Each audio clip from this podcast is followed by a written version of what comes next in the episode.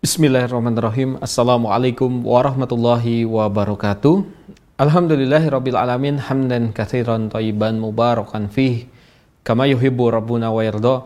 Asyhadu an la ilaha illallah wahdahu la syarikalah wa anna Muhammadan abduhu wa rasuluh.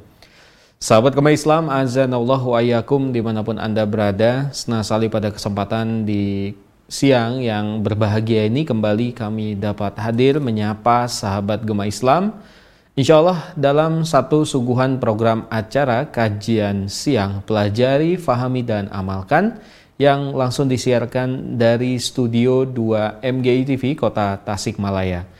Dan pada kesempatan siang hari ini kita kembali akan mengikuti rangkaian kajian Islam ilmiah yang akan disampaikan oleh gurunda kita Al-Ustadz Heri Iman Santoso Hafidullahu Ta'ala yang insya Allah akan mengangkat tema pembahasan yang tentunya menarik untuk kita simak bersama yaitu berkaitan dengan zikir kepada Allah, amalan yang paling suci dan paling utama. Dan tentunya kajian pada siang hari ini bisa sahabat Gema Islam simak dan juga ikuti melalui media yang telah kami sediakan untuk dapat Anda simak dan tonton yaitu di antaranya dari MGI TV yang bisa disimak di satelit di satelit SES 9 ataupun di satelit Asiasat untuk Anda yang menggunakan parabola Kauben di rumahnya ataupun melalui parabola Siben di Telkom 4. Dan untuk wilayah kota Tasikmalaya dan sekitarnya bisa juga menyimak melalui radio Riyadul Jannah di 104,5 FM. Dan tentunya untuk layanan online streaming kami juga menyediakan di aplikasi yang telah kami luncurkan di Android yaitu di aplikasi MGI TV Official ataupun melalui website resmi kami di www.mgitv.com dan juga tentunya melalui Facebook halaman MGI TV dan YouTube channel MGI TV. Dan sahabat Gema Islam pun insya Allah bisa mengirimkan pertanyaan yang tentunya pertanyaan bisa sesuai dengan materi bahasan yang disampaikan oleh Alusat dengan cara kirimkan di 0811 2525255 untuk SMS dan juga WhatsApp. Dan untuk interaktif telepon, kami hanya membuka untuk di telepon 08 119552500. Sekali lagi sahabat Gema Islam yang mungkin baru bergabung bersama MGI TV dan Radio Riyadul Jannah dan juga belum sempat menyimpan nomor khusus untuk pertanyaan SMS dan juga telepon silahkan di 08 untuk SMS dan juga untuk chat WhatsApp. Dan untuk interaktif telepon di 08119552 500. Dan pada kesempatan siang hari ini saya alhamdulillah telah ditemani oleh Al Ustadz Heri di studio 2 MG TV dan tentunya kita akan sapa beliau terlebih dahulu. Assalamualaikum warahmatullahi wabarakatuh Ustadz. Waalaikumsalam warahmatullahi wabarakatuh. Masya Allah, sehat Ustadz siang hari ini Alhamdulillah, baik. Alhamdulillah, Masya Allah Ustadz. Kembali kita menyapa sahabat Gema Islam di program ya, kajian siang ini Ustadz. Dan ini masih juga melanjutkan pembahasan Ustadz ya. ya, ya. Nah, Baik Ustaz, nampaknya karena waktu juga telah menunjukkan pukul 2 siang dan untuk memanfaatkan waktu langsung saja saya berikan kesempatan kepada Al Ustaz untuk menyampaikan materi bahasan di kesempatan siang yang berbahagia ini dalam program kajian siang dengan tema pembahasan berkaitan dengan zikrullah amalan paling suci dan paling utama. Kepada Al Ustaz saya persilakan. Bismillah. Alhamdulillah, salatu wassalamu ala rasulillah wa ala alihi wa sahbihi wa man tabi'ahum bi ihsanin ila yaumiddin Haqqa tuqatihi wa la tamutunna illa wa antum muslimun. Amma ba'du fa inna ahsanal kalam kalamullah wa khairal hadi hadi Muhammadin sallallahu alaihi wa alihi wasallam. Wa syarrul umuri muhdatsatuha fa inna kulla muhdatsatin bid'ah wa kulla bid'atin dhalalah wa kulla dhalalatin finnar. Ikhwati billah para pemirsa MGI TV dan juga para pendengar Radio Riyadul Jannah rahimani wa rahimakumullah. Alhamdulillah puji syukur senantiasa kita ungkapkan kepada Allah Azza wa Jal atas nikmat dan karunia yang tidak terhingga terlimpah kepada kita sekalian nikmat terbesar, nikmat iman, nikmat Islam, nikmat hidayah. Semoga Allah Subhanahu wa taala menjadikan nikmat tersebut terus bersama kita sehingga termasuk kita ke dalam firman Allah taala wala tamutunna illa wa antum muslimun jangan pernah kita meninggal dunia kecuali dalam keadaan Islam. Ikhwati fillah rahimani wa rahimakumullah. Alhamdulillah pada kesempatan ini kita dipertemukan Allah Subhanahu wa taala. Melanjutkan membahas uh, membacakan pembahasan yang diungkapkan oleh Syekh Abdul Razak Al-Badar hafizahullah taala dalam kitabnya Fiqhul Adiyah wal Adhkar di mana kita di buku yang pertama ini sampai pada pasal yang kelima berbicara tentang zikrullah huwa azkal a'mal wa afdaluha. Zikir kepada Allah Subhanahu wa taala merupakan amal yang paling mensucikan dan juga amal yang paling utama. Ya. Beliau menyebutkan inna wa, azza wa jal huwa azkal a'mal wa khairuha wa afdaluha indallah tabaraka wa ta'ala. Zikir kepada Allah Subhanahu wa taala merupakan amalan yang paling mampu mensucikan seorang hamba. Yang paling baik, yang paling utama di sisi Allah Subhanahu wa taala.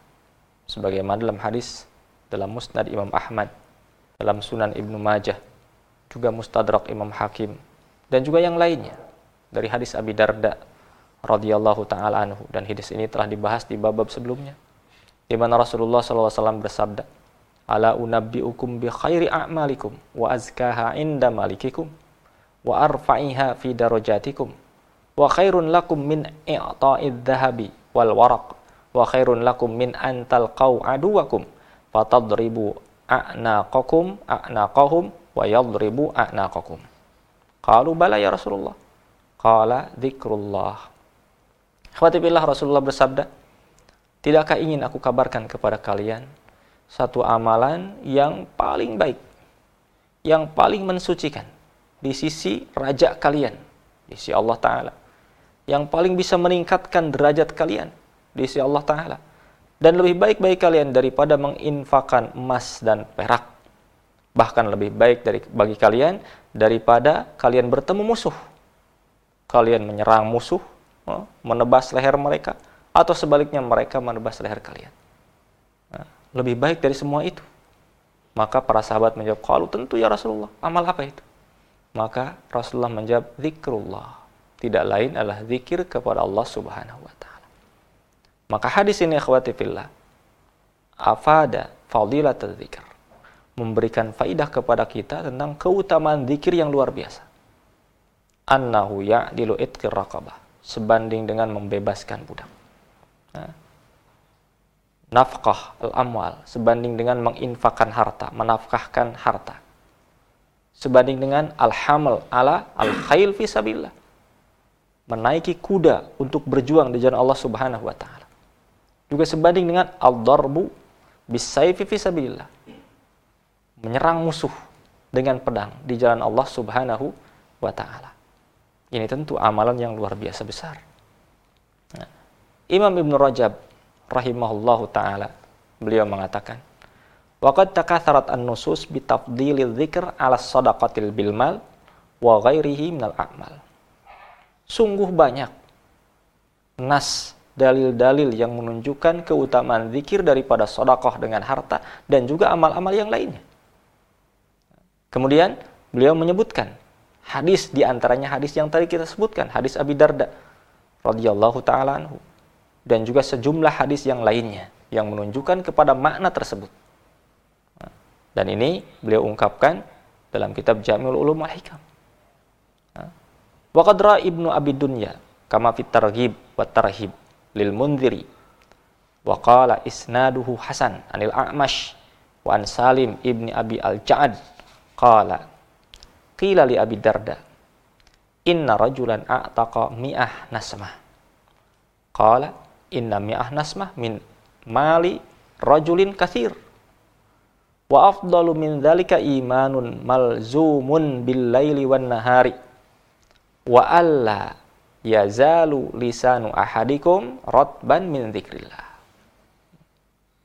Nah ikhwati fillah nah, sebuah hadis disebutkan dari Salim ibni Abi Ja'ad beliau berkata ditanyakan kepada Abi Darda. Disebutkan dikatakan kepada Abi Darda sesungguhnya seseorang telah membebaskan 100 orang budak. Abu Darda mengomentari ungkapan tersebut. Bahwasanya 100 orang budak memang ini sesuatu atau harta yang sangat banyak bagi seseorang. Harta yang sangat banyak. Wa afdal min dzalika, tetapi ada yang lebih utama daripada itu, yaitu iman. Malzumun bil laili wan nahar yang senantiasa melekat pada dirinya baik siang ataupun malam. Kemudian yang kedua, wa alla yazalu lisanu ahadihim ahadikum rotban min dzikrillah. Dan senantiasa lisan salah seorang di antara kalian basah dengan zikir kepada Allah Subhanahu wa taala. Nah, ini nasi yang lain yang menunjukkan betapa agungnya zikir dibandingkan dengan tadi membebaskan budak. Dibandingkan uh, dengan amalan-amalan yang lainnya. Fabayyana radhiyallahu taala anhu falla itqir raqabah wa annahu ma'ilami fadlihi la ya'dilu mulazamatu dzikr wal mudawamah alaih. Maka menjelaskan Abu Darda di sini, ikhwati fillah, rahimani wa rahimahullah. Beliau menjelaskan keutamaan dari membebaskan budak. Tapi bersama keutamaan yang besar dari membebaskan budak tersebut tidak sebanding dengan satu amalan senantiasa zikir diungkapkan dan terus-terusan zikir diungkapkan, disiplin dalam berzikir. Waqad jaa fi hadal ma'na atharun katsir. Anis salafi rahimahumullahu jami'an. Dan telah datang makna seperti ini riwayat dari salafus soleh yang banyak. Nah, semoga Allah memberikan rahmat kepada mereka. Di antaranya khawati fillah yaqul Ibnu Mas'ud radhiyallahu taala Ibnu Mas'ud sahabat Nabi SAW beliau mengatakan la'an usabbiha Allah ta'ala tasbihatin. Ahabbu ilayya min an unfiqa adadahunna dananir fi sabilillah. Aku bertasbih. Mensucikan Allah Subhanahu wa taala dengan tasbih. Lebih aku cintai daripada aku menginfakkan sejumlah itu dinar di jalan Allah Subhanahu wa taala. Maka ungkapan Ibnu Mas'ud ini menunjukkan bahwasanya zikir kepada Allah Subhanahu wa taala lebih beliau cintai daripada infak sejumlah itu, sejumlah bilangan zikir yang dia sebutkan di jalan Allah Subhanahu wa taala.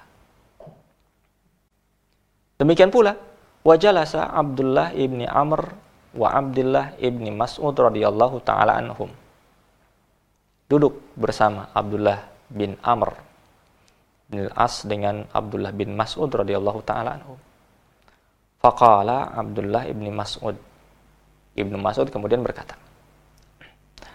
"La'an akhud fi tariqin aqulu fihi subhanallah walhamdulillah wala ilaha illallah wallahu akbar ahabbu ilayya min an unfiqa adadahunna dananir fi sabilillah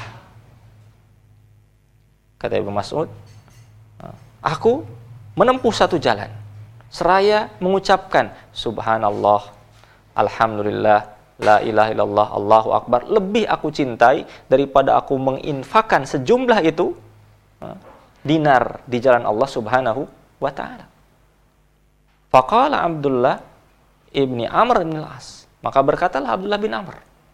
Mengomentari ucapan sahabatnya ini. Beliau mengatakan, La'an akhudha fi tariqin. Fa'akuluhunna ahabbu ilayya min an ahmil adadahunna alal khayli fi sabilillah. Beliau mengatakan, aku berjalan, mengambil satu jalan, seraya mengucapkan kalimat-kalimat yang tadi, lebih aku cintai daripada aku menaiki kendaraan tunggangan berupa kuda di jalan sejumlah itu di jalan Allah Subhanahu wa taala. Nah, ikhwati fillah, ungkapan dari salaful ummah ini nah, merupakan makna yang terkandung dalam hadis yang pertama disebutkan dari riwayat Abi Darda tadi. Bahwasanya zikir kepada Allah Subhanahu wa taala keutamaannya luar biasa besar. Lebih besar daripada jihad di jalan Allah, lebih besar daripada infak emas dan perak dan seterusnya. Wa kadzalika qala ghairu wahidin minas sahabati wat tabi'ina.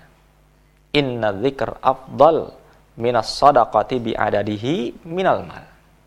Demikian pula hal ini ikhwati fillah diungkapkan oleh bukan hanya seorang menunjukkan banyak dari kalangan sahabat, kalangan tabi'in yang memberikan makna bahwasanya zikir kepada Allah Subhanahu wa taala merupakan atau lebih utama daripada sodakoh. Sejumlah itu nah, di jalan Allah Subhanahu wa taala dengan hartanya. Ikhwati fillah, betapa agung, betapa besar karunia Allah Subhanahu wa taala. Betapa besar nikmat Allah Subhanahu wa taala kepada hambanya. Amalan yang setiap hamba mampu. Orang kaya, orang miskin. Orang sakit, orang sehat. Anak kecil, orang tua. Laki-laki, perempuan. Sedang safar ataupun sedang mukim. Sibuk ataupun dia sedang santai bisa dilakukan zikir kepada Allah Subhanahu wa taala oleh mereka. Tapi memberikan amalan yang luar biasa, memberikan manfaat yang luar biasa besar. Berbeda kalau seandainya infak di jalan Allah atau jihad di jalan Allah Subhanahu wa taala tidak setiap orang mampu untuk itu. Tidak setiap orang memiliki harta benda. Tapi karunia Allah Subhanahu wa taala menjadikan satu amalan yang bisa dilaksanakan oleh setiap orang dengan beragam strata, dengan beragam tingkatan kehidupan, mampu mereka lakukan. Asal satu hal yang ada pada diri mereka, yaitu dia tidak lalai. Ingat kepada Allah Subhanahu wa Ta'ala, senantiasa menyebutnya, dan setiap orang mampu, maka ternyata Allah berikan kepada orang yang demikian keadaannya pahala yang luar biasa besar. Kemudian ikhwatifillah, Syekh Abdul Razak melanjutkan ungkapannya, beliau mengatakan, wal atharu fi hadal makna anhum kathiratun. Asar nah, dengan makna seperti ini nah, dari mereka para sahabat, dari mereka kaum salaful ummah ini sangatlah banyak.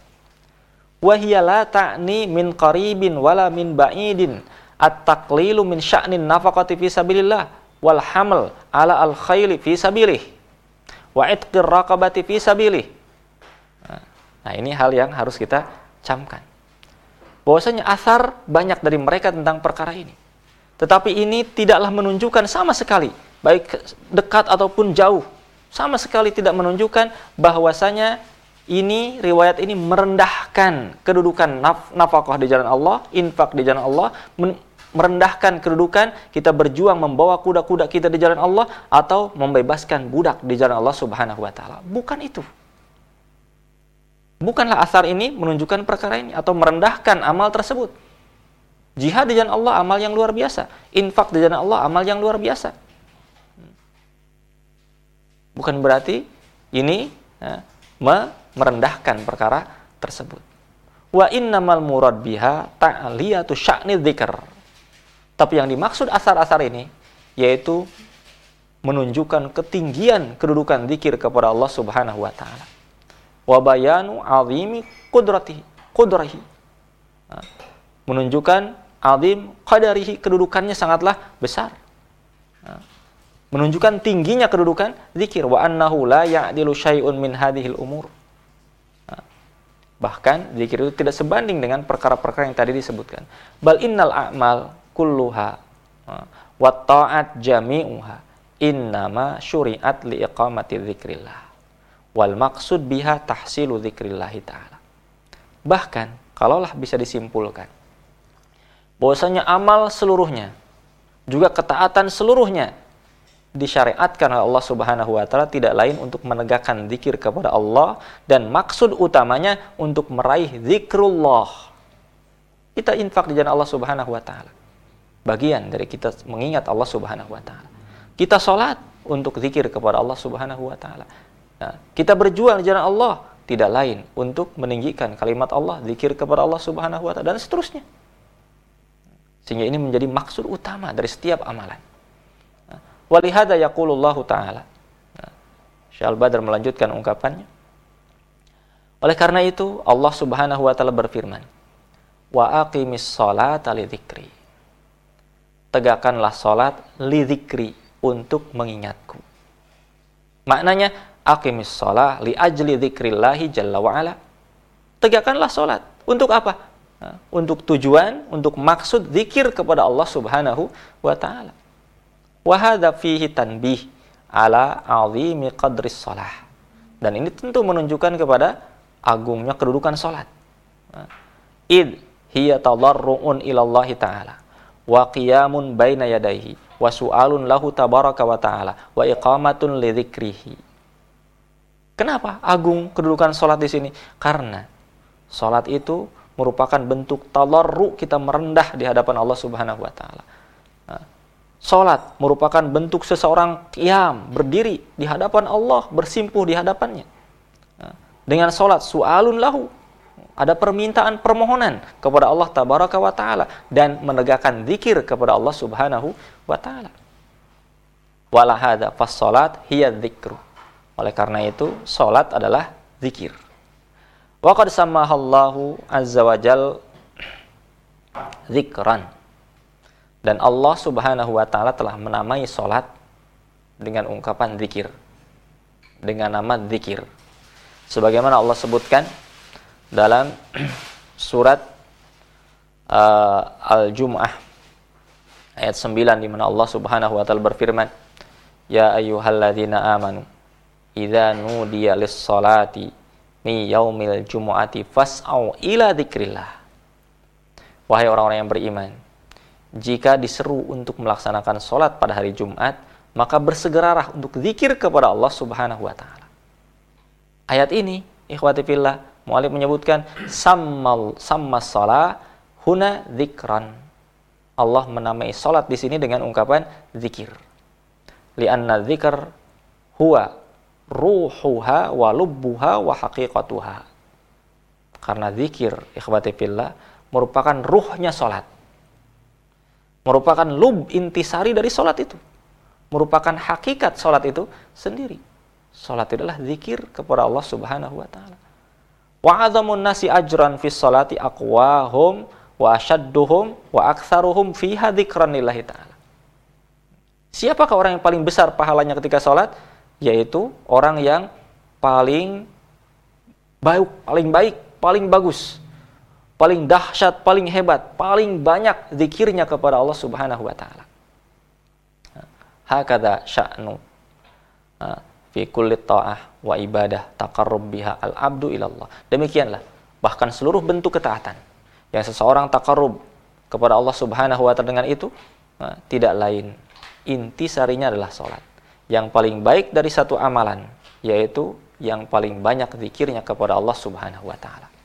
Oleh karena itu ikhwati fillah satu riwayat diungkapkan. Dan mualif menyebutkan di sini dari Imam Ahmad juga At-Tabrani nah, min tariqi Abdullah ibni Lahiyah dari jalan Abdullah bin Lahiyah.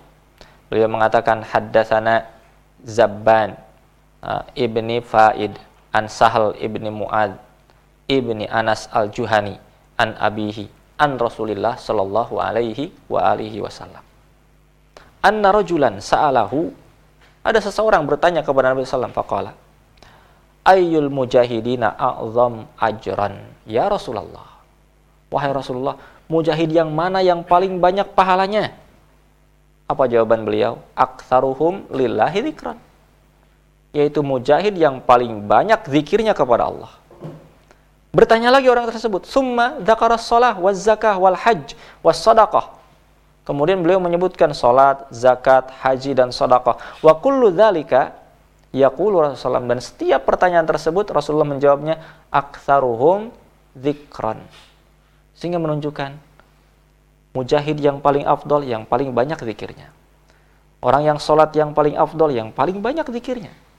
Orang yang melaksanakan zakat yang paling afdol, yang paling banyak zikirnya. Jemaah haji yang paling afdol, paling banyak zikirnya dan seterusnya. Faqala Abu Bakar, maka Abu Bakar mengatakan, Li Umar radhiyallahu taala anhuma mengatakan kepada Umar bin Khattab, "Dhahabat dzakiruna bi kulli khairin." Faqala Rasulullah SAW, "Ajal." Kata Abu Bakar, kalau begitu telah pergi orang-orang yang berzikir memborong seluruh kebaikan. Maka Rasulullah mengatakan, ajal, benar. Khawatifillah. Inilah keagungan zikir. Ketika menyertai setiap ibadah, menjadikan orang yang hmm, melaksanakannya, ini lebih agung. Yang paling utama di sisi Allah subhanahu wa ta'ala. Kemudian ikhwati fillah rahimani wa rahimakumullah. Qala Al-Haythami rahimahullahu taala. Berkata Imam Al-Haythami rahimahullahu taala, Wa fihi Zabban ibni Faid wa huwa dha'ifun wa qad wuthiqa. Wa kadza Ibnu Lahiyah. Dalam riwayat tersebut dalam sanadnya ada yang namanya Zabban ibni Faid. Dia ini dhaif demikian tapi terkadang ada yang mensikohkannya. Demikian pula Ibnu Abi Lahiyah. Nah, sehingga hadis ini dianggap merupakan hadis yang ada kelemahan. Lakin lahu syahidun mursal bi isnadin sahih tapi hadis tersebut ada hadis yang menguatkan. Yang mursal sampai kepada sahabat dengan sanad yang sahih. Rawahu Ibnu Mubarak fi Zuhad. Di antara yang diriwayatkan oleh Imam Ibnu Mubarak dalam kitab Az-Zuhud. Beliau berkata, "Akhbarani nah, Hayawah qala haddatsani Zuhrah ibni Ma'bad annahu sami'a Aba Sa'id al-Maqburi yaqul" Dia mendengar Abu Sa'id al-Makburi mengatakan, Qila ya Rasulullah ayyul haji a'zam, a'zamu ajran. Nah, Wahai Rasulullah, siapakah jemaah haji yang paling besar pahalanya? Qala, beliau bersabda, aktsaruhum lillahi dzikran. Yang paling banyak zikirnya kepada Allah. Nah, Qala fa'ayyul musallina a'zamu ajran. Kemudian orang yang melaksanakan sholat yang mana yang paling besar pahalanya? Maka beliau pun menjawab, yaitu aksaruhum lillahi zikran. Yang paling banyak zikirnya kepada Allah subhanahu wa ta'ala. Muncul lagi pertanyaan yang ketiga, fa'ayyus sa'imina a'zamu ajran. Orang yang saum yang mana yang paling besar pahalanya? Maka beliau menjawab, yaitu orang yang aktsaruhum lillahi dzikran, yang paling banyak zikirnya kepada Allah Subhanahu wa taala. Pertanyaan berikutnya, fa'ayyul mujahidina a'zamu ajran? Mujahid yang mana? Nah, yang paling besar pahalanya? Beliau menjawab, aktsaruhum lillahi dzikran, yang paling banyak zikirnya. Qala Zuhrah fa akhbarani Abu Sa'id al-Maqburi anna Umar bin Khattab qala li Abi Bakar dhahaba adzakiruna bikulli khairin. Nah, berkata Umar bin Khattab kepada Abu Bakar, telah pergi orang yang berzikir dengan membawa seluruh kebaikan, memborong seluruh kebaikan. Walau syahid akar, kata muallif, riwayat tersebut memiliki penguat dalam riwayat yang lain. Auradahu Ibnu Qayyim, di antara yang diungkapkan oleh Ibnu Qayyim dalam kitabnya Al-Wabilus Saib, beliau berkata, Waqad dzakara Ibnu Abi Dunya hadisan mursalan. Anna Nabi wasallam suila ayyu ahlil masjid khairun. Qala aktsaruhum dzikran lillah. Nah, di sini hadis ini pun sebagai penguat yang diungkapkan oleh Ibnu Qayyim rahimahullah taala di mana seseorang bertanya kepada Rasulullah sallallahu alaihi wasallam. Nah, beliau ditanya, ahli masjid yang mana yang paling utama, yang paling baik? Maka beliau menjawab, aksaruhum zikran lillah, yang paling banyak zikirnya kepada Allah subhanahu wa ta'ala. Ahli masjid. Ahli masjid tentu baik. Tapi ada yang lebih utama di sisi Allah subhanahu wa ta'ala. Di antaranya karena sebab yang paling banyak zikirnya, dia lebih utama. Qila ayyu al ahlil janazah khairun. Ditanya kembali Rasulullah SAW siapakah ahlul janazah yang paling baik? Maka beliau pun menjawab, yaitu aksaruhum zikran lillah. Ahlul janazah yang mengantarkannya, yang memandikannya, yang menyolatkannya, yang ikut menguburkannya. Ini ahlul janazah. Siapa yang paling baik di antara mereka? Yaitu yang paling banyak zikirnya kepada Allah subhanahu wa ta'ala. Zikir, mengingat Allah, mengingat keagungannya, mengingat kematian, dan seterusnya. Qila fa'ayyu al-hujjaji khairun. Pertanyaan berikutnya muncul. Jemaah haji yang mana yang paling baik? Qala aktsaruhum zikran lillah. Maka beliau pun tetap menjawab, yaitu yang paling banyak zikirnya kepada Allah Subhanahu wa taala. Kemudian dikatakan wa ayyu al-awwadi khairun. Maka orang yang berbuat ketaatan mana yang paling baik? Beliau pun menjawab, yang paling banyak zikirnya kepada Allah Subhanahu wa taala. Berkatalah Abu Bakar, "Dzahabadz dzakiruna bil khairi kullih." Telah pergi Nah, orang yang berzikir dengan seluruh kebaikan. Dengan memborong, membawa seluruh kebaikan. Nah, Khwatifillah rahimani wa rahimakumullah. Mu'alif di sini menyebutkan fal hadithu yushahidu bisyawahidi bisyahidaihi salihun lil ihtijaj insyaallah. Beliau mengatakan bahwasanya hadis nah, dengan dua syahidnya ini dengan dua penguatnya ini insyaallah baik untuk dijadikan sebagai hujjah. Nah, wa maknahu alladhi dalla alaihi haqqun la raiba fi sihhatihi. Nah, dan nah, juga makna hadis ini yang ditunjukkan oleh hadis ini adalah kebenaran yang tidak diragukan lagi. Isi hadis ini adalah kebenaran. Yaqul Ibnu Qayyim rahimahullah taala. Ibnu Qayyim menyebutkan, "Inna afdala ahlul kulli amalin aktsaruhum fihi dzikran lillah."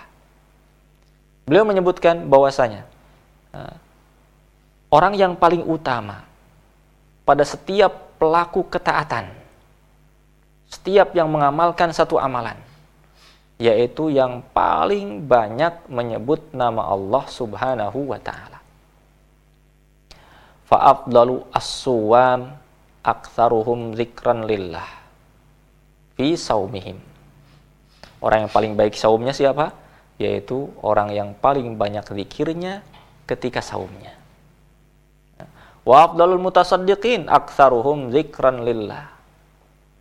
Yang paling banyak atau yang paling baik dari kalangan ahli sodakoh yaitu kata beliau orang yang paling banyak zikirnya kepada Allah Subhanahu wa taala. Wa afdalul hujjaj orang yang berhaji para jemaah haji yang paling baik aktsaruhum dzikran yang paling baik zikirnya paling banyak zikirnya kepada Allah Subhanahu wa taala wahakada sairul a'mal. Demikianlah segenap amalan. Ini kesimpulan yang diungkapkan oleh Ibnu Qayyim rahimahullah taala dalam kitab Al-Wabilu As-Saib. Nah, nah di sini fillah menunjukkan keagungan yang luar biasa dari zikir kepada Allah Subhanahu wa taala. Tatkala menyertai setiap amalan menjadikan pelakunya semakin tinggi di sisi Allah Subhanahu wa taala, menjadi orang yang terbaik dalam pelaku amalan tersebut. Summa awrada al-hadis al-mutaqaddim. Kemudian uh, Ibnu Qayyim menyebutkan hadis yang terdahulu yang tadi disebutkan. Wa awrada Uqbah an Ubaid ibni Umair rahimahullahu taala annahu qala. Dan juga diungkapkan satu riwayat. Uh, dari Uqbah ibni Ubaid uh, ibni Umair rahimahullahu taala.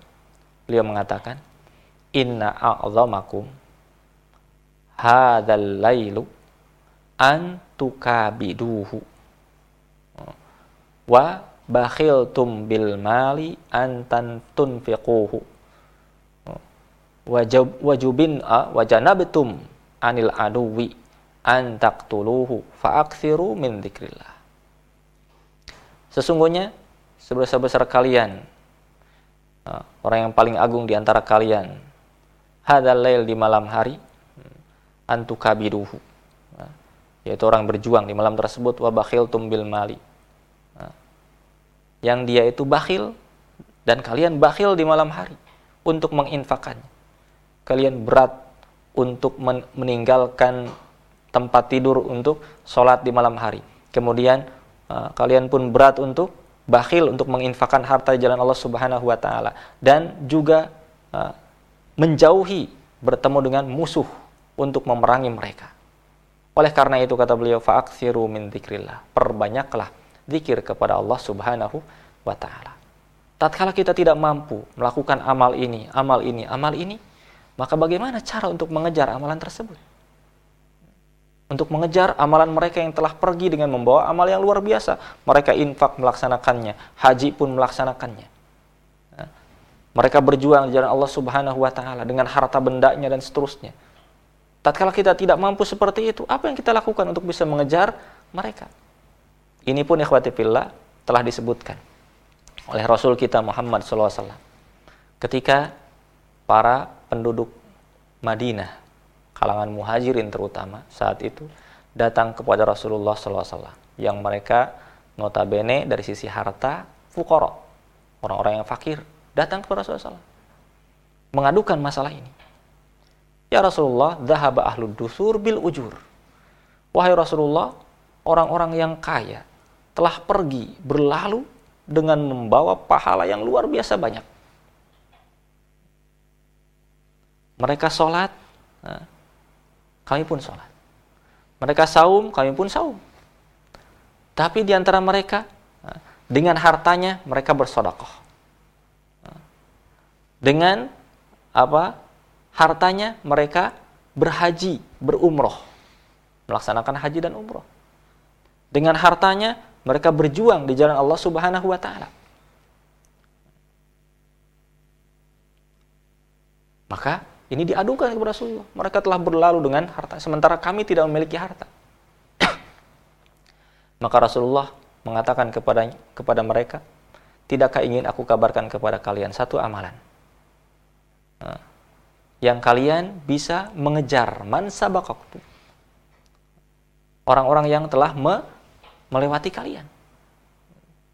Maka Rasul bimbing mereka untuk berzikir. Di antaranya zikir setelah sholat subhanallah alhamdulillah Allahu akbar masing-masing 33 kali. Maka ini lebih baik daripada perkara-perkara yang tadi. Berarti untuk orang-orang yang tidak mampu melaksanakan perkara yang tadi maka dia berzikir kepada Allah Subhanahu wa taala. Dengan itu dia mampu mengejar keutamaan yang ada pada mereka. Dengan berzikir kepada Allah Subhanahu wa taala. Nah, inilah keagungan dari zikir kepada Allah Subhanahu wa taala kemudian ikhwati fillah Mu'alib melanjutkan ungkapannya Fadzikrullahi ta'ala huwa afdalul a'mal wa huwa akbaru min kulli syai'in. Maka zikir kepada Allah Subhanahu wa taala kalau demikian merupakan amalan yang paling utama dan merupakan amalan yang paling besar. Lebih besar dari setiap perkara. Sehingga Allah Subhanahu wa taala berfirman, "Utsluma uhiya ilaika minal kitab wa aqimis salata wa aqimis salata. Inna salata tanha 'anil fahsya'i wal munkar wala dzikrullahi akbar. Dalam surat Al-Ankabut ayat 45 nah, Allah berfirman bacalah olehmu wahai Muhammad ma uhiya ilaika minal kitab apa yang diwahyukan kepada engkau dari Alkitab perintah untuk membaca Al-Quran kepada Rasulullah Shallallahu Alaihi Wasallam. Padahal Al-Quran turun kepada beliau. Ini menunjukkan besarnya, agungnya membaca Al-Quran. Sehingga Rasul dengan kedudukannya seperti ini tetap diperintahkan. Maka kita lebih butuh untuk itu. Lebih butuh untuk membacanya. Lebih butuh untuk memahaminya. Lebih butuh untuk mengamalkannya. Isi kandungan Al-Quran tersebut. Wa aqimis sholat. Dan laksanakanlah sholat. Kerjakanlah sholat. Ini pun menunjukkan amalan yang luar biasa. Rasul sholat diperintahkan kepada Rasulullah SAW. Bahkan dalam satu uh, momen yang paling agung yaitu Isra Mi'raj. Ketika Rasulullah di Mi'rajkan oleh Allah Subhanahu wa taala. Allah turunkan syariat sholat. Tapi di sini pun Allah perintahkan kepada Rasul untuk menegakkan sholat. Wa aqimis sholat, laksanakanlah sholat menunjukkan agungnya ibadah sholat. Berarti kita pun uh, tentu sangat membutuhkan itu. Untuk terus mengerjakan sholat. Kenapa? Di antara manfaat sholat Allah sebutkan. Inna sholata tanha anil fahsyai wal munkar. Sesungguhnya sholat ini bisa mencegah dari perbuatan keji dan munkar. Maka barang siapa yang dia melaksanakan sholat tapi dia sholatnya tidak mencegah dirinya dari perbuatan keji dan mungkar, maka sholatnya fala. Tidak ada sesuatu yang pantas dikatakan kepadanya tentang sholat tersebut.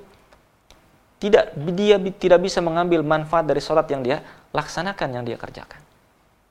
Karena sholat yang sebenarnya ini akan mencegah dari perbuatan keji dan munkar. Kemudian di akhir ayat disebutkan wala dzikrullahi akbar dan zikir kepada Allah adalah akbar, sesuatu yang besar. Ikhwati fillah, ketika menyebutkan wala dzikrullahi akbar di sini, ada beberapa makna yang bisa diungkapkan. Yang pertama, makna secara umum.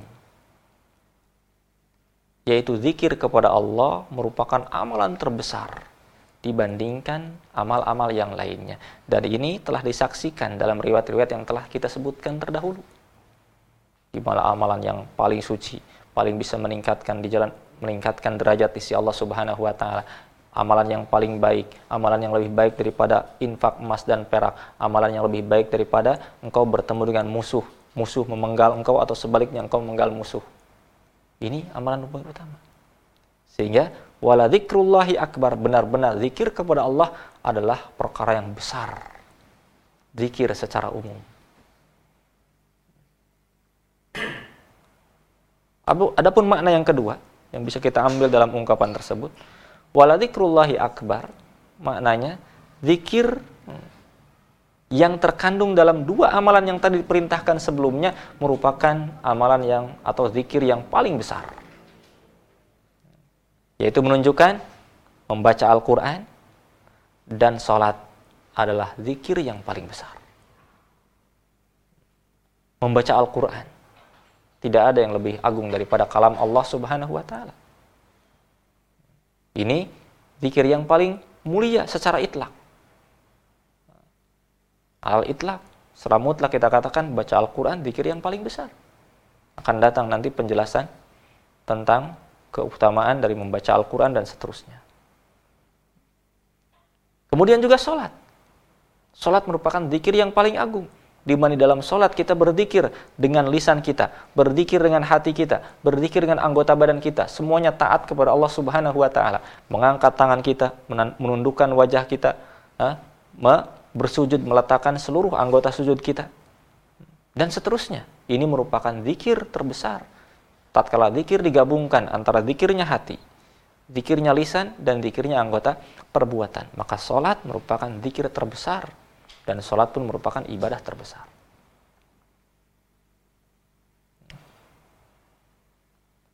Nah, di sini dalam dua makna tersebut kita akan mendapati nanti riwayat bahwasanya sahabat ketika ditanya tentang apa amalan terbesar, mereka menyebutkan zikir kepada Allah Subhanahu wa taala.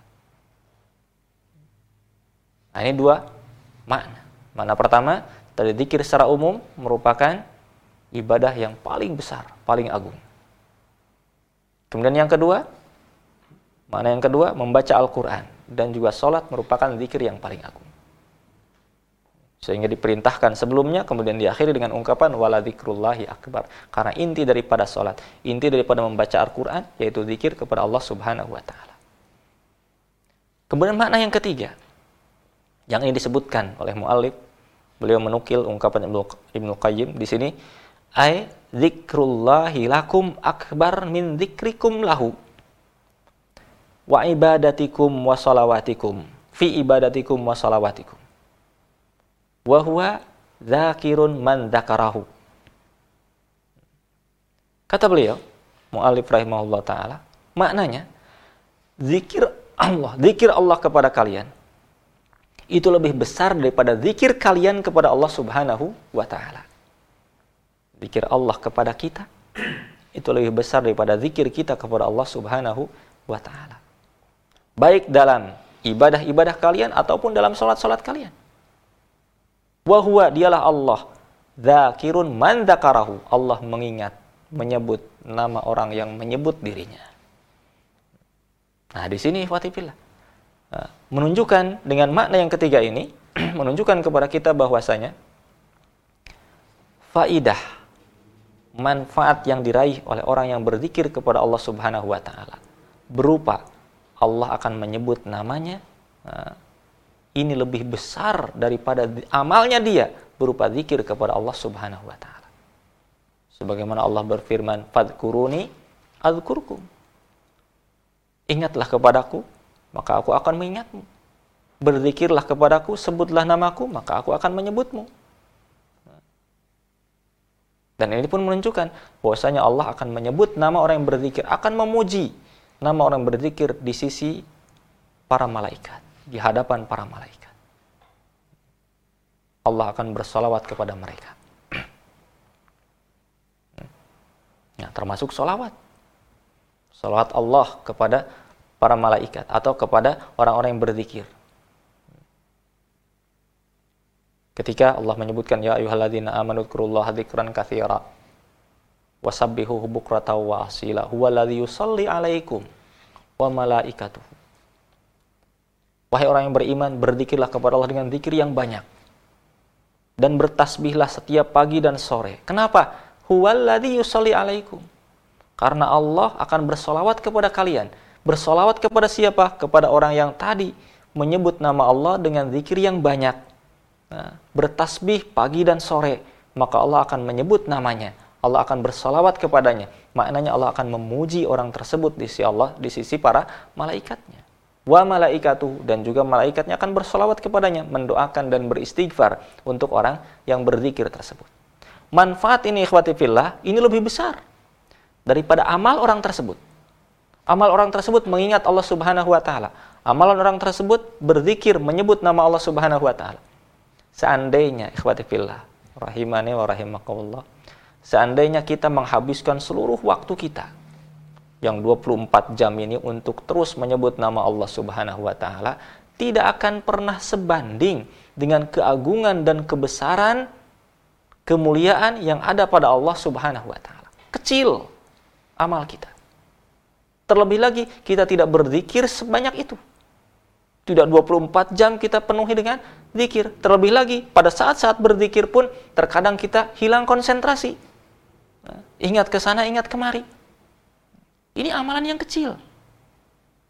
Tetapi Allah berikan karunia yang besar kepada orang yang mengamalkan ini. Maka ini lebih besar. Akbar zikrullahi lakum akbar min zikrikum lahu. Maka zikir Allah kepada kalian yang merupakan manfaat dari orang berzikir, ini lebih besar daripada zikir kalian kepada Allah Subhanahu wa taala. Dan memang demikianlah ikhwatifillah. Allah melipat gandakan pahala amalan. Orang membaca Al-Quran, satu huruf, sepuluh kebaikan dia raih. Salat sepuluh kali, lima kali waktu salat kita, lima puluh kali salat. Infak seseorang tujuh ratus kali. Saum tidak terhingga Allah lipat gandakan amalannya. Inilah karunia Allah kepada hambanya. Demikian pula di sini. Wala dzikrullahi akbar maknanya zikir Allah kepada kalian, Allah menyebut nama kalian, memuji kalian di hadapan para malaikatnya ini lebih besar daripada kalian menyebut nama Allah Subhanahu wa taala. Ini makna yang ketiga yang diungkapkan dari makna kalimat wala dzikrullahi akbar.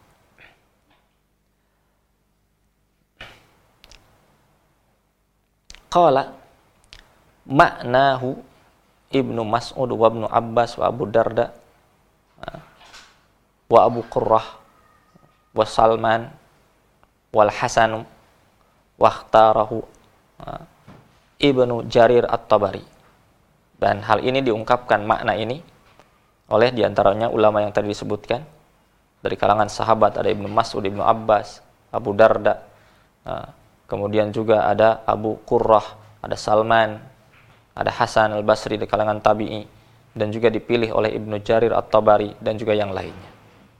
Ibnu Katsir pun ketika menjelaskan tentang ayat ini beliau menyebutkan riwayat yang menyebutkan bahwasanya zikir Allah kepada kalian itu lebih besar daripada zikir kalian kepada Allah Subhanahu wa taala. Waqila dzikrukum Allah fi salatikum wa fi qiraatil Qur'ani afdal min kulli syai'. Juga makna yang kedua. Ini makna yang lain yang disebutkan, yang tadi saya sebutkan ini makna yang kedua. Yaitu zikir kalian kepada Allah dalam sholat kalian, dalam membaca Al-Quran itu lebih utama daripada segala sesuatu. Makna yang kedua yang tadi telah kita sebutkan, bosnya zikir dalam sholat dan dalam baca Al-Quran ini yang paling utama. Qala Ibnu Zaid Qatadah. Berkata Ibnu Zaid dan juga Qatadah wala dzikrullahi akbar. Zikir kepada Allah ini perkara yang akbar, yang paling besar. Min kulli syai'in ay afdal minal ibadati kulliha bighairi dzikr. Ini lebih utama daripada amal ibadah yang lainnya dengan tanpa zikir. Ini termasuk makna yang pertama yang tadi kita sebutkan. Secara umum bahwasanya zikir adalah ibadah yang paling agung. Wakila al makna inna zikrallah akbar ma'ad mudawamah minas salati fin nahyi anil fahsya'i wal munkar Juga ada yang menyebutkan makna yang lain bahwasanya zikir kepada Allah itu yang paling besar yang disertai dengan mudawamah, terus-terusan, terus-menerus berdisiplin istiqomah melaksanakan sholat. Nah, dengan itu finnahyi anil fahsya'i wal munkar dalam rangka mencegah dari perkara keji dan munkar. Nah, ini di antara makna-makna kalimat wala akbar dan zikir kepada Allah adalah perkara yang besar. Nah, di sinilah ikhwati fillah menunjukkan hal yang luar biasa yang Allah sebutkan dari kalimat wala zikrullahi akbar, keagungan dan kemuliaan dari zikir kepada Allah Subhanahu wa taala. Qala Syekhul Islam Ibn Taimiyah rahimahullahu taala As-sahih anna makna al-ayah anna shalah fiha maksudan aziman. Beliau menyebutkan yang sahih dari uh, makna ayat ini yaitu bahwasanya salat di dalamnya terdapat dua maksud utama yang besar. Keduanya merupakan maksud yang besar. Ahaduhuma a'zamu minal akhar salah satunya lebih besar daripada yang lain. Fa innaha tanha anil fahsya'i wal munkar. Bahwasanya salat ini mencegah dari perbuatan keji dan munkar wa hiya mustamilatun ala dzikrillahi taala dan ini mengandung zikir kepada Allah Subhanahu wa taala. Walima fiha min dzikrillahi a'dzam min nahyiha anil fahsya'i wal munkar. Maka di sini zikir kepada Allah Subhanahu wa taala ini lebih besar daripada mencegahnya dia terhadap perkara yang keji dan perkara yang munkar. Dia menjauhi perkara keji, perkara munkar. Tentu dengan disertai zikir kepada Allah ini akan menjadikan lebih agungnya orang tersebut si Allah Subhanahu wa taala. Ini ungkapan dari Syekhul Islam Ibn Taimiyah. Waqad su'ila Salman Al-Farisi radhiyallahu taala anhu ayul a'mali afdal. Salman Al-Farisi ditanya radhiyallahu taala anhu Beliau ditanya ayul a'mali afdal. Amal apa yang paling utama? Faqala beliau menjawab, "Ama taqra al-Qur'an?" Tidakkah engkau membaca Quran? Wala dzikrullahi akbar. Bahwasanya zikir adalah amalan yang paling besar. Juga Ibnu Abi Ad-Dunya. Beliau menyebutkan dari Ibnu Abbas radhiyallahu taala anhuma annahu suila ayul amali afdal. Jadi Ibnu Abbas ditanya, amal apa yang paling utama? Beliau menjawab, zikrullahi akbar. Zikir kepada Allah akbar. Ini merupakan perkara yang besar. Khawatifillah, di akhir ungkapannya, Mu'alib menyebutkan, Fallahu akbar kabira, walhamdulillahi kathira, wa subhanallahi bukratan wa asila, mil'a samawatihi wa mil'a ardihi, wa mil'a ma bainahuma. Wamil ama sya'a min syai'in ba'd.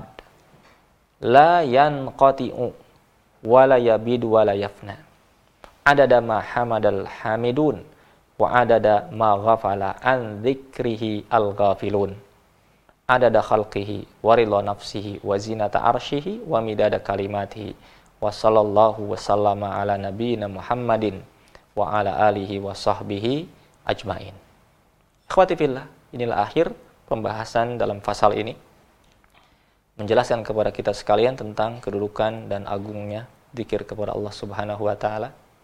Tentunya kita sangat berharap dijadikan oleh Allah Subhanahu wa taala diberikan pertolongan oleh Allah Subhanahu wa taala termasuk hamba-hamba yang senantiasa berzikir kepadanya menyebut namanya karena keutamaan di balik itu sangat besar dan lebih besar daripada zikir kita kepada Allah Subhanahu wa taala. Semoga kita diberikan karunia lisan yang senantiasa berzikir kepada Allah Subhanahu wa taala. Hati yang senantiasa takut dan berharap kepada Allah Subhanahu wa taala. Hati yang terus tumbuh, terus berkembang dengan keimanan uh, kepada Allah dan kepada Rasulnya Sallallahu Alaihi Wasallam dan kepada seluruh ajaran yang wajib kita imani dan diberikan jawarih anggota badan ini yang jauh dari kemaksiatan, kekejian dan kemungkaran dan dimudahkan untuk senantiasa taat kepada Allah Subhanahu wa taala. Demikian ifadillah, saya serahkan uh, waktu dan kesempatan kepada Ah Wahyu. Dipersilakan. Masya Allah, baik Ustaz, terima kasih untuk pemaparan materi yang telah disampaikan pada kesempatan siang yang berbahagia ini dan tentunya materi yang telah kita dengarkan dan juga simak insya Allah dapat memberikan banyak sekali faedah-faedah yang bermanfaat untuk dapat kita amalkan di kehidupan sehari-hari. Amin ya robbal alamin. Baik sahabat Gama Islam, kita akan langsung saja masuk di sesi interaktif pertanyaan bagi Anda yang memiliki pertanyaan melalui SMS ataupun melalui WhatsApp. Silakan bisa dikirimkan kepada kami di 081124252255. Sekali lagi pertanyaan SMS dan juga WhatsApp di 0811 2425255 dan juga interaktif telepon di 08119552 Tentunya kita kembali dalam program kajian siang setelah yang satu ini. Tetap bersama kami di kajian siang, pelajari, fahami, dan amalkan. Huruf-huruf hidup berpadu padan dengan huruf-huruf mati. Jadilah kata berangkai berupa kalimat bermakna. Begitulah ilmu tersusun dengan sangat rapi. Jika diabaikan, jadilah gama. Dan jika diamalkan, itulah agama. Ikuti kajian siang setiap hari Senin sampai hari Kamis, dimulai pukul 13 waktu Indonesia bagian Barat, hanya di MGI TV. Untuk membangun sebuah impian, membutuhkan pertimbangan dan perhitungan. Cerdas, tepat, cepat, dan juga hemat. Dulu saya pernah gagal untuk mewujudkannya, tapi kali ini saya tidak khawatir. Baja ringan produksi PT Cilegon Steel hadir memenuhi kebutuhan konstruksi bangunan sesuai keinginan Anda. Untuk kualitasnya, sudah pasti memenuhi standar nasional Indonesia. Sekarang untuk mendapatkan produk Cilegon Steel, tidak hanya di Mega Baja Outlet, Anda bisa mendapatkan di setiap konstruksi store di seluruh Indonesia. Untuk informasi dan pemesanan, hubungi langsung salesman kami yang siap melayani kebutuhan di konstruksi store terdekat di kota Anda. Dan jangan lupa, orang cerdas pilih bajaringan yang SNI. Sahabat Gema Islam kembali dalam kajian siang pelajari, fahami dan amalkan dan kita akan langsung saja masuk di sesi sesi terakhir di kesempatan kajian siang ini. Kita akan membuka terlebih dahulu untuk interaktif telepon bagi sahabat Gema Islam yang ingin menghubungi kami di layanan telepon 0811 9552 500 silahkan.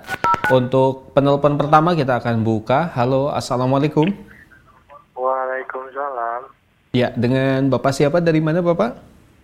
Dengan bapak Josianto di Siantar. Oke bapak dari Siantar. Baik silakan bapak untuk pertanyaannya bapak. Mungkin pertanyaannya ini di, di luar tema boleh Silahkan Pak, mudah-mudahan masih bisa dijawab oleh Ustaz. Kalau uh, kita kan kalau sholat zuhur itu kan ada sholatnya uh, di antara dua ajan itu kan. Mm-hmm. Itu kan ada sholatnya setelah ajan sholat baru komat kita sholat zuhur.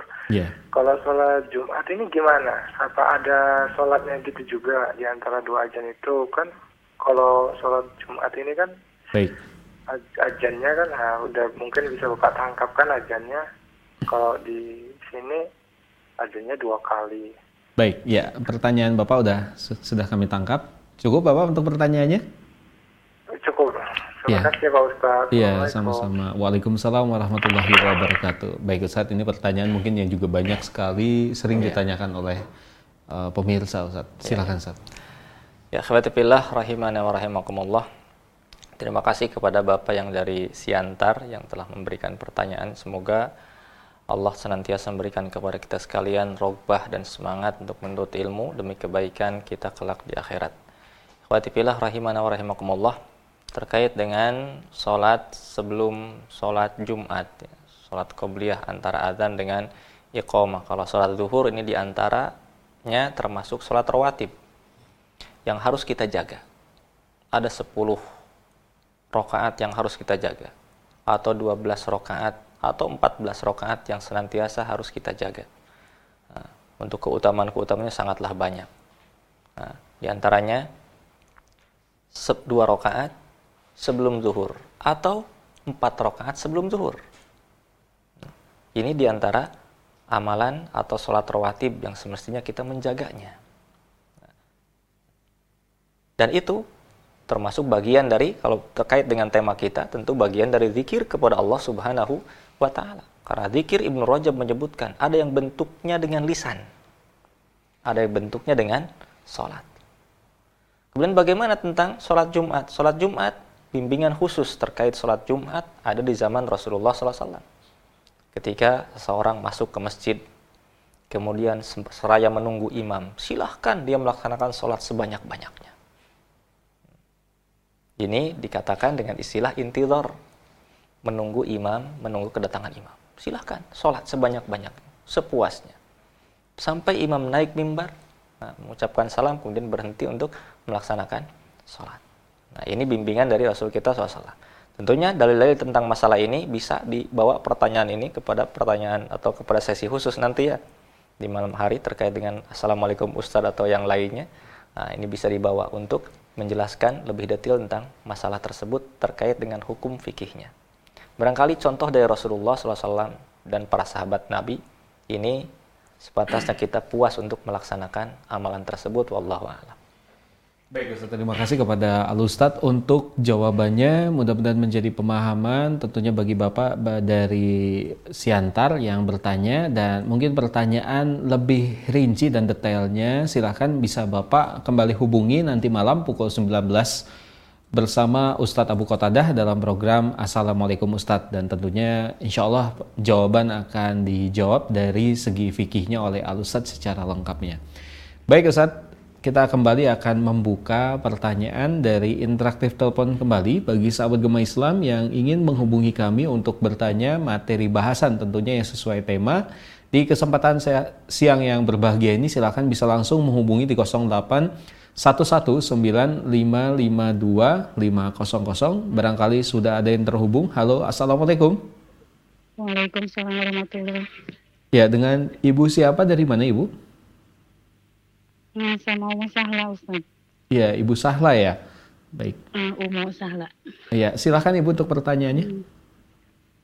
Afwan Ustaz mau tanya ini kalau dikira pagi pagi petang gitu ya uh, eh, akdalnya itu duduk duduk di sejadah atau kadang kan uh, apa ibu-ibu tuh banyak udah disiapin kerjaan pagi-pagi gitu ya. Iya. Uh, ada yang bilang ya sambil kerja aja gitu. Mm -hmm. gimana ya baiknya gitu. Baik, ya. ya. Cukup Ibu ya. Itu aja jadi ya. Syukran jazakumullahu khairan. Wah, ya, Assalamualaikum warahmatullahi Ya. So, juga menambahkan Ustaz pertanyaan ya. dari Ibu ini juga banyak juga yang menanyakan Ustaz zikir zikir pagi dan petang itu contoh uh, misalkan pagi Ustaz, hmm. apakah dibacanya setelah selesai sholat atau misalkan sambil menunggu waktu sholat juga kita boleh Ustaz membaca ya. zikir ini Ustaz? Ya, ya. Silakan Ustaz. Ya, khawatirillah. Terima kasih kepada ibu yang telah bertanya dan juga pemirsa yang lain. Semoga Allah memberikan keberkahan kepada kita sekalian. Terkait dengan zikir pagi dan sore, ini sesuatu yang harus kita jaga. Nah, karena Allah Subhanahu wa taala sebutkan tidak kurang dari sekian ayat sembilan ayat Ibnu Rajab menyebutkan dalam kitab Jamil Ulum wal Hikam at, e, menyebutkan tentang ayat-ayat anjuran tentang zikir pagi dan sore. Nah, dari situ ikhwati fillah rahimana wa rahimakumullah maka sepantasnya kita menjaga zikir yang agung ini karena di antara ayat yang tadi sebutkan ya ayyuhalladzina amanu dzkurullaha dzikran katsira wasabbihuhu bukratan wasila. Wahai orang yang beriman, berzikirlah kepada Allah dengan zikir yang banyak. Setelah itu, maka bertasbihlah setiap pagi dan sore. Berarti di antara bentuk zikir yang banyak yaitu kita menjaga zikir pagi dan sore. Nah, kemudian pertanyaan muncul. Pertanyaan ibu ini kalau tidak salah tangkap nanti dikoreksi. Apakah harus di atas sejadah saja setelah sholat ataukah bagaimana? Atau tadi penambahan pertanyaan apakah di, ketika menunggu sholat sebelum komat misalnya ya. kita berzikir dulu ataukah setelah sholat kita baca? Untuk pertanyaan yang pertama, tentunya kita katakan bahwasanya berzikir kepada Allah Subhanahu wa taala ada kondisi yang sangat ideal yaitu tatkala konsentrasi penuh tatkala datang seluruh fokus perhatian kepadanya hati terpusat kepadanya. Kondisi seperti itu akan didapatkan ketika kita duduk menghadap kepada kiblat tentunya nah, dengan kondisi berwudu dan seterusnya. Ini kondisi paling ideal untuk seseorang melaksanakan ibadah tersebut. Karena kondisi itu seorang mampu untuk konsentrasi gitu ya. Tidak terganggu dengan ini dengan itu. Nah, maka ini yang ideal. Tapi apakah ini menafikan? Seandainya kita melaksanakan zikir tersebut dengan kondisi yang berbeda. Misalnya setelah sholat subuh setelah berzikir ba'da salam, kemudian kita pergi keluar karena banyak kebutuhan di luar yang tidak mungkin ditunda waktunya. Kemudian kita berzikir sambil berjalan, sambil kemudian berbaring sambil duduk dan seterusnya. Apakah boleh? Maka tentunya silahkan untuk kita berzikir. Nah, tentunya itu kondisi yang bisa jadi tantangan lebih besar untuk kita mendatangkan konsentrasi. Nah, walaupun tidak ada salahnya dan tidak ada larangan untuk kita melaksanakan zikir seperti itu. Tidak mesti harus duduk di masjid, tidak berarti harus duduk di atas sejadah. Silahkan ketika beraktivitas kita sambil membaca zikir-zikir tersebut. Insya Allah nah, ini akan memberikan kebaikan kepada uh, kita sekalian ketika membaca zikir tersebut. Jangan sampai kita berkeyakinan kalau tidak di atas sejadah, kita tidak berzikir kepada Allah Subhanahu wa taala, meninggalkan zikir yang besar tersebut. Nah, setelah sholat subuh, setelah zikir kemudian kita pergi berkendaraan, safar ke tempat yang jauh di kendaraan. Boleh kita berzikir? Berzikirlah di sana. Maka faidah dari zikir kepada Allah Subhanahu wa taala pagi dan petang ini tidaklah dikaitkan harusnya di tempat tertentu tidak. Tapi dikaitkan dengan waktu. Dikaitkan dengan waktu yaitu di pagi hari dan sore hari. Tidak dikaitkan dengan harus di masjid, harus di atas tempat sholat kita, tidak. Nah, maka dipersilahkan untuk kita mengamalkan amalan tersebut. Hanya tadi kondisi ideal. Ini tentu ketika seorang bisa mendatangkan konsentrasi yang lebih besar, lebih khusyuk dalam berzikir dalam kondisi seperti tadi. Kemudian yang kedua, apakah zikir ini disyariatkan sebelum kita sebelum misalnya sholat? Kita menunggu sholat, sholat subuh berkumandang, kita sudah datang. Ini zikir apa dulu nih zikir pagi petang dia baca itu. Apakah boleh kita lakukan demikian? Ikhwati fillah rahimani rahimakumullah. Ibnu Rajab Al-Hambali menyebutkan, di antara faidah dari zikir pagi dan sore ini, yaitu beliau menyebutkan pembagian zikir. Zikir terbagi dua. Ada zikir yang fardu, yaitu solat, solat fardu kita, bentuknya solat. Ada zikir yang bentuknya solat, yang bentuknya solat ada dua. Ada yang fardu, ada yang sunnah. Yang fardu solat lima waktu. Yang sunnah solat-solat rawatib, nah, kemudian solat-solat uh, witir, Nah, sholat malam, sholat duha, dan seterusnya. Beliau menyebutkan dengan perincian yang cukup panjang. Yang kedua ada zikir dengan lisan. Ketika beliau menjelaskan zikir dengan lisan ini, beliau menjelaskan ada dua waktu yang di situ tidak ada waktu atau tidak tidak ada jenis zikir yang bentuknya sholat sunnah. Kapan itu? Setelah sholat asar, setelah sholat subuh ya. Ini tidak ada sholat sunnah setelahnya. Tidak ada sholat sunnah. Sholat-sholat yang lain ada, sholat sunnah. Maka Allah subhanahu wa ta'ala mensyariatkan di sana. Zikir pagi dan sore. Maka dari sini fillah uh, menunjukkan kepada kita sekalian satu hikmah. Bahwasanya amalan zikir pagi dan sore tidak kita baca sebelum kita sholat subuh. Sambil menunggu sholat kita baca dan seterusnya. Atau sebelum sholat apa asar gitu ya. Nah itu belum waktunya. Kapan waktunya? Setelah kita melaksanakan sholat subuh, kemudian zikir pas setelah sholat, ini zikir yang memang rawatib. Kemudian setelah itu silahkan. Waktunya dari kapan? Dari saat itu sampai terbenam, sampai terbit matahari.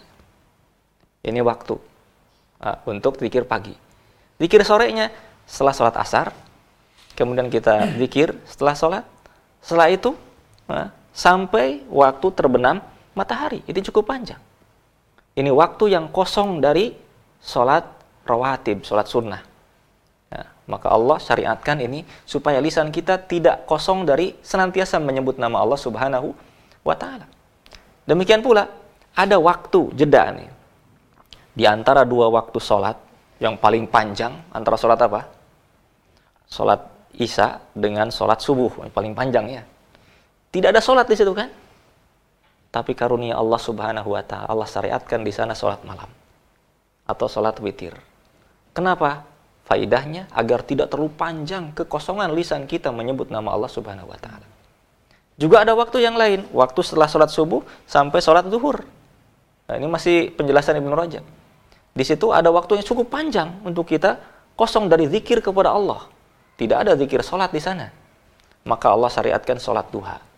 Nah, maka tatkala tidak ada sholat sunnah ketika dua waktu sholat tersebut antara asar dengan setelah asar dan setelah subuh maka di situ ada syariat zikir pagi dan sore. Nah, barangkali itu Allah. Baik, Ustaz. Terima kasih kepada Al Ustaz untuk jawabannya dan masya Allah jawaban dari pertanyaan ini juga dapat menambah keilmuan kita berkaitan dengan bab seputar zikir pagi dan sore ini dari pertanyaan yang disampaikan oleh ibu dan juga dari pertanyaan-pertanyaan tambahan tentunya. Baik sahabat Kumai Islam, kita akan membuka Ustadz untuk pertanyaan-pertanyaan yang telah masuk melalui WhatsApp kami. Dan pertanyaan pertama Ustadz ini masuk dari Bapak Abdurrahman di Tasikmalaya. Bismillahirrahmanirrahim. Assalamualaikum warahmatullahi wabarakatuh. Pak Ustadz, sering sekali kita mendapati sebagian kaum muslimin yang menjadikan zikir sebagai obat. Sehingga ada juga dalam hal tertentu mereka membuat majelis-majelis zikir secara berjamaah. Mereka menggunakan media air yang nantinya disebut air berkah. Pertanyaannya, apakah dalam Islam sendiri hal ini dibenarkan Ustadz? Karena sempat saya mendengar penjelasan bahwa ini sama seperti air rukyah. Jikalau hal ini berbeda, mohon pencerahannya. Silakan Ustadz. Ya, terima kasih kepada Bapak yang telah bertanya atas pertanyaannya. Semoga menjadi kebaikan kepada kita sekalian. Tentang majelis dikir. Majelis dikir ini sesuatu yang di pertemuan kemarin kita menyebutkan tentang keutamaan majelis zikir secara khusus dan kita simpulkan dari riwayat-riwayat yang ada bahwasanya majelis zikir yang begitu agung keutamaannya itu ada pada tiga perkara. Pertama, orang berduduk berzikir, duduk bersama. Kemudian berzikir masing-masing kepada Allah Subhanahu wa taala. Dengan zikir yang menjaga adabnya tidak keras, nah, dengan lemah lembut dan seterusnya, maka ini jenis yang pertama. Jenis yang kedua majelis zikir adalah majelis uh, yang di sana berkumpul kemudian Al-Quran dibacakan, disimak oleh yang lainnya, uh, atau bantu membantu dalam rangka meluruskan bacaan Al-Quran atau memahamkan Al-Quran, ini mempelajari Al-Quran. Ini majelis zikir bentuk yang kedua. Kemudian majelis zikir yang ketiga, yang keutamaan juga besar, yaitu majelis zikir adalah majelis ilmu duduk nah, untuk menafsirkan ayat Allah, menafsirkan sunnah Rasulullah SAW, menambah ilmu. Itulah majelis zikir yang memang keutamanya luar biasa di sisi Allah Subhanahu wa taala. Dan riwayat-riwayat tentang itu dan yang mendukung tentang tiga makna tersebut telah kita sebutkan di pertemuan terdahulu. Adapun terkait dengan mengadakan majelis zikir untuk bersemangat, maka ini sesuatu yang bagus dengan metode yang tadi. Nah, majelis zikir, majelis zikir yang memang ada Nah, riwayatnya dari salaful ummah dari para sahabat Nabi Shallallahu alaihi wasallam. Adapun dengan cara-cara acara cara-cara yang khusus, torikoh-torikoh tertentu yang di luar contoh dari Rasulullah SAW, tentu ini kita menghindarinya. Kenapa menghindarinya? Karena kita lebih mencintai apa yang dicontohkan oleh Rasul dan para sahabatnya daripada hal-hal yang memang tidak ada contohnya dari Rasul dan para sahabatnya. Ini poin yang pertama. Adapun kita memiliki wirid khusus untuk diri kita sendiri. Nah, sehingga para sahabat itu ada terbiasa memiliki wirid-wirid, ada aurad, ada wirid-wirid tertentu, wirdul yaum, ada wirid harian mereka. Maknanya apa? Mereka memiliki mendisiplinkan diri mereka. Misalnya, saya setiap hari akan membaca Al-Quran sekian. Nah, setiap malam dalam sholat saya. Silahkan dibaca penetapan itu untuk dirinya. Ya sesuai dengan kemampuannya sesuai dengan kesanggupannya. Yang seperti itu boleh. Nah, saya akan membaca tasbih takbir tahmid terus nah, setiap waktu di, di malam hari. Seandainya kita menetapkan bilangannya pun tidak ada masalah. Kalau hanya untuk pribadi dan tidak untuk sebagai tashri sebagai bentuk ini lebih utama. Hanya dikaitkan dengan ke kemampuan saya. Maka itu dikatakan wirdul yaumi wirid harian dia maka Rasul pun menyebutkan, barang siapa yang meninggalkan wiridnya di malam hari, kemudian dia membacanya di siang hari antara waktu subuh dengan waktu apa zuhur, maka seolah-olah dia membaca di malam hari. Ini wirid di malam hari yang berupa sholat yang mereka amalkan atau amalan-amalan tertentu seperti tadi membaca Al-Quran. Wirid yang diususkan sesuai dengan kemampuan dirinya sendiri. Maka itu yang dibolehkan, dipersilahkan. Kemudian sekarang tentang air rukyah. Nah, maka para salaful ummah sebagian yang menyebutkan bahwasanya uh, boleh kita membacakan bacaan terkait dengan rukyah tersebut. Ya, tapi tentunya dengan niat untuk rukyah, uh, merukyah air tersebut uh, dengan bacaan-bacaan yang baik. Adapun dengan kita bermajelis zikir wallahu a'lam tentang masalah ini saya belum menemukan uh, fatwa para ulama secara khusus tentang majelis zikir kemudian disimpani disimpan di, di sana apa misalnya air kemudian air itu dianggap suatu keberkahan dan sebagainya walaupun kita ketahui memang setiap ungkapan yang baik itu merupakan kebaikan bagi yang ada di majelis tersebut. Nah, barangkali itu bisa menjadi kebaikan bagi air tersebut, hanya tentu ini kita membutuhkan kepada dalil yang ada. Nah, kalau memang tidak puas dengan penjelasan, mungkin bisa dibawa kepada pertanyaan kepada majelis yang lainnya, kepada acara-acara yang lainnya. Ditanyakan Baik, kepada ustadz yang lainnya. Terima kasih kepada Al Ustadz untuk jawabannya. Mudah-mudahan menjadi pemahaman bagi yang bertanya dan juga bagi para pemirsa di mana pun Anda berada. Pertanyaan selanjutnya Ustadz, pertanyaan penutup di kesempatan siang hari ini dan juga Ustadz bisa langsung memberikan kesimpulan juga nasihat. Pertanyaan dari Bapak Abdullah, Bismillahirrahmanirrahim. Ustadz, sampai manakah batasan zikir itu boleh dijaharkan oleh lisan kita saat berada di kawasan toilet masjid? Yang biasanya tempat wudhunya ada di area luar toilet namun masih dalam satu ruangan. Sempat ada teman saya yang berpendapat bahwa area tempat wudhu juga termasuk toilet. Padahal satu ruang, ya maksudnya toilet yang satu ruangan tersebut sehingga kita tidak boleh mengucapkan zikir. Mohon pencerahannya Ustadz. Silakan. Ya. Kalau melihat keumuman uraf kebiasaan di sekitar kita tentang masjid dan tempat wudhunya, memang itu terpisah dari toiletnya ya, ya. dari tempat untuk buang hajatnya dengan pintunya yang khusus, maka yang di dalam pintu tersebut adalah bagian dari yang tidak boleh kita berzikir di dalamnya. Adapun di luarnya, hmm, termasuk ketika masuk akan ke masuk ke toilet tersebut kita membaca Allahumma inni a'udzubika minal khubusi wal khabais itu merupakan bacaan atau zikir ketika akan masuk WC dan kita membaca ketika akan masuk. Dan itu berarti areal yang bisa untuk kita membacanya. Adapun ketika di dalam tidak kita membaca itu. Ketika keluar dari WC, demikian pula ketika keluar berarti ketika sudah melewati pintu tersebut dia membaca apa? Gufronaka. Berarti itu di antara areal yang boleh kita membaca zikir. Nah, itu zikir ketika keluar uh, apa WC ya, keluar kamar mandi. Nah, sehingga di sini tidaklah maknanya itu ketika keluar dari itu tidak tidak lu membaca.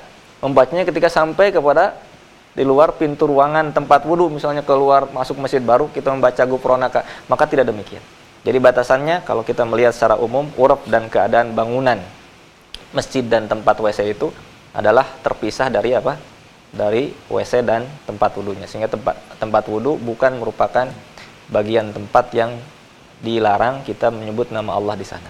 Boleh kita ketika berwudhu mengucapkan Bismillah di sana kemudian berdoa setelahnya dengan doa apa? Uh, doa setelah wudhu nah, kemudian ketika masuk WC kita membaca di situ juga.